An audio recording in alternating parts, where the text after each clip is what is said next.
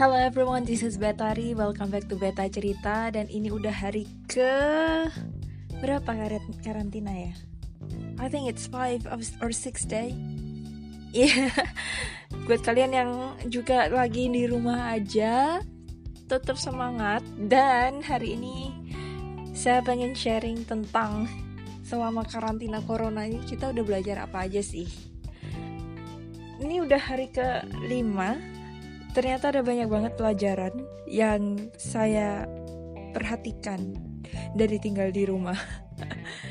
yang pertama, soal belajar tidak menghakimi. Coronavirus memang pertama kali uh, merebaknya di Wuhan, China. Tapi yang disayangkan itu sebenarnya bukan hanya soal si virusnya ini aja, teman-teman.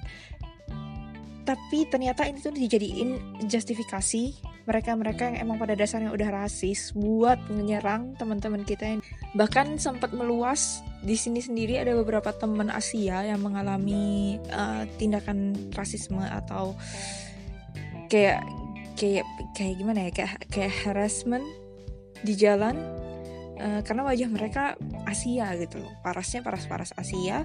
Ada yang bahkan di ya, tonjok gitu loh uh, mengalami kekerasan secara fisik. Bagusnya sih kalau di sini uh, itu dianggap serius gitu loh itu bisa dilaporkan dan dan dan ditangani dengan serius. I hope uh, teman-teman di sana tidak mengalami hal tidak mengenakan seperti itu tapi ini jadi pelajaran buat kita semua bahwa virus is virus is our common enemy sekarang. Ini adalah musuh kita bersama. It doesn't matter ini tuh datangnya dari mana. Sekarang posisinya kita sedang menghadapi itu dan ini sedang terjadi.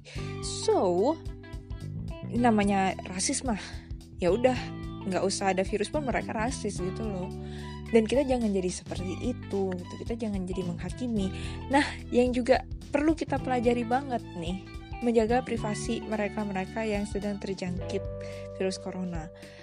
Amat-amat sangat-sangat disayangkan waktu di Indonesia uh, diberitakan kasus COVID positif 1 dan 02 itu orang-orang lebih kepo sama uh, sama apa ya kayak hal-hal pribadi dari si penderita ini gitu loh. Kita nggak sibuk mensupport mereka kita malah sibuk untuk menghakimi mereka gitu loh. Kayak kita menganggap mereka monster which is not helpful at all.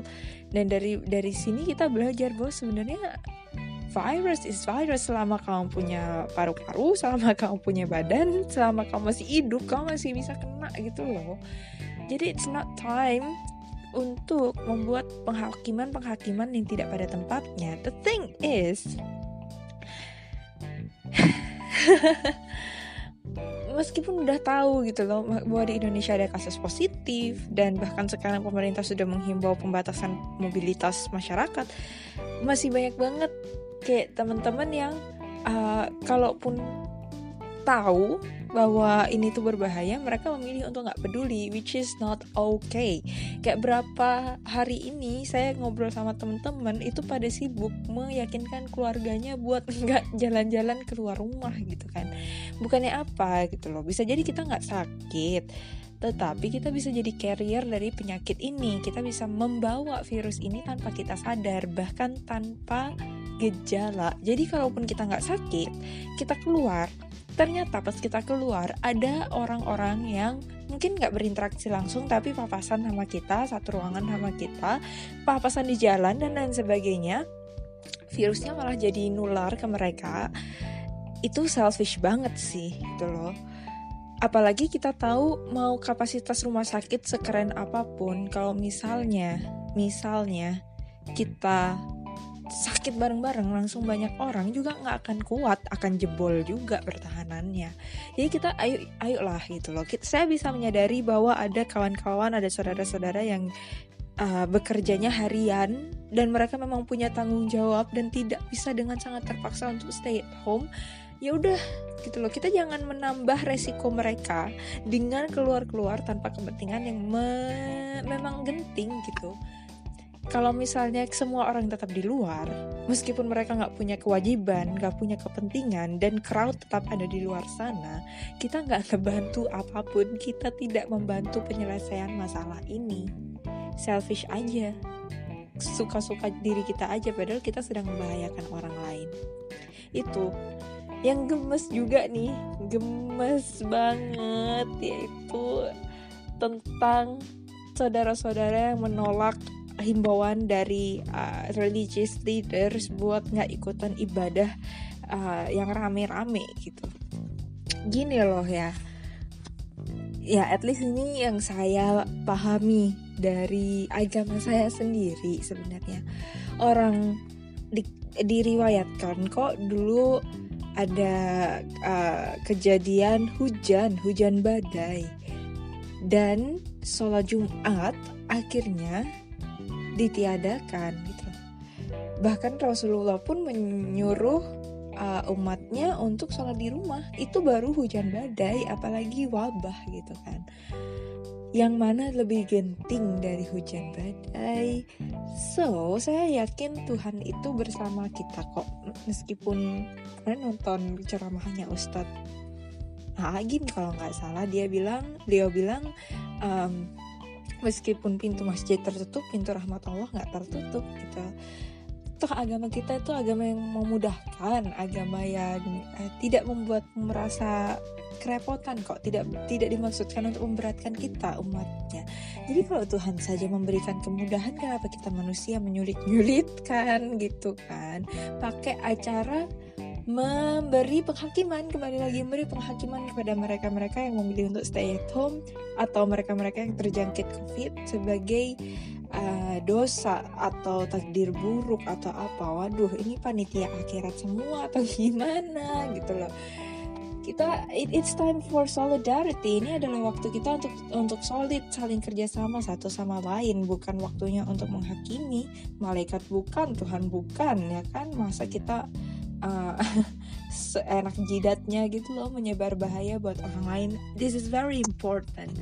Yang selanjutnya saya mau ngingetin menggunakan platform ini mari kita bantu petugas-petugas medis dengan menjaga diri kita sendiri uh, tetap di rumah mengurang-urangi dulu kontak sosial langsung dengan teman-teman dengan saudara-saudara diem dulu di rumah saling uh, saling memelihara, saling melihat satu sama lain. Kalau ada yang sakit, saya rasa di Indonesia juga udah ada hotline atau uh, dokter-dokter yang volunteer untuk merelakan dirinya jadi uh, konsultan via telepon atau via chat. Bisa di Google aja langsung. Uh, kayaknya beberapa kota juga punya official website atau aplikasi untuk kita bisa cek mandiri resiko kita terkena COVID-19 jangan jangan tiba-tiba muncul ke rumah sakit karena itu bakal lebih bahaya. Saya ingat di Inggris ini sempat di Brighton, di kota Brighton, uh, satu klinik tutup gara-gara ada satu pasien yang dia sebenarnya resiko COVID tapi dia nggak telepon dulu. Dia langsung datang ke klinik dan akhirnya klinik itu ditutup. Dan ternyata ada dokternya yang kena gitu. Akhirnya kliniknya ditutup untuk deep cleaning kan gimana ya gitu loh. Jadi ayolah kita udah tahu kapasitas medis kita terbatas kita bantuin kerja mereka. Dan yang penting lagi jangan nimbun peralatan perlindungan diri yang sebenarnya lebih urgent dibutuhkan buat mereka yang bekerja di medis. Bayangin kalau suami kita istri kita atau anak kita adalah dokter dan mereka kekurangan alat perlindungan diri gara-gara kita timbun padahal kita nggak ber kita tidak terpapar oleh pasien, kita tidak terpapar langsung oleh virus ini terus menerus. Udah baca kan beritanya di mana sekarang oke okay, APD sudah uh, pemerintah sudah bantu kita gencarkan produksi APD, but still ada aja orang-orang yang menimbun hal-hal yang sebenarnya nggak urgent mereka perlukan. Ingat, iya kita semua beresiko, tapi dalam situasi seperti ini ada namanya skala prioritas dan teman-teman kita yang bergerak di bidang medis ini mereka di garda depan mereka di garis merah. Kita bantu mereka dengan gak menimbun sarung tangan masker hand sanitizer. We do not need that people. Just wash your hands.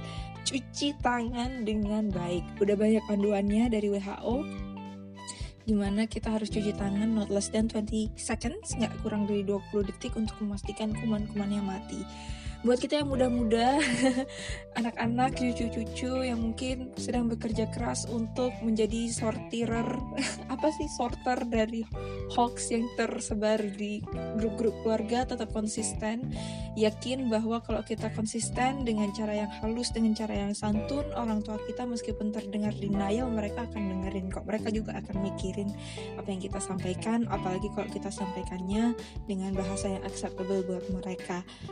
Just kita juga punya tanggung jawab untuk melindungi mereka so make sure that we only spread kindness. Itu kayak kayak penting banget di situasi seperti ini kita sebarkan uh, kerendahan hati kita sebarkan kebaikan hati dan semangat untuk melindungi satu sama lain Well, another point is mulai bosan gak sih di karantina? Actually bosan ya, tetapi demi kepentingan kita bersama, kita coba kreatif untuk menemukan hal-hal yang bisa dilakukan selama karantina.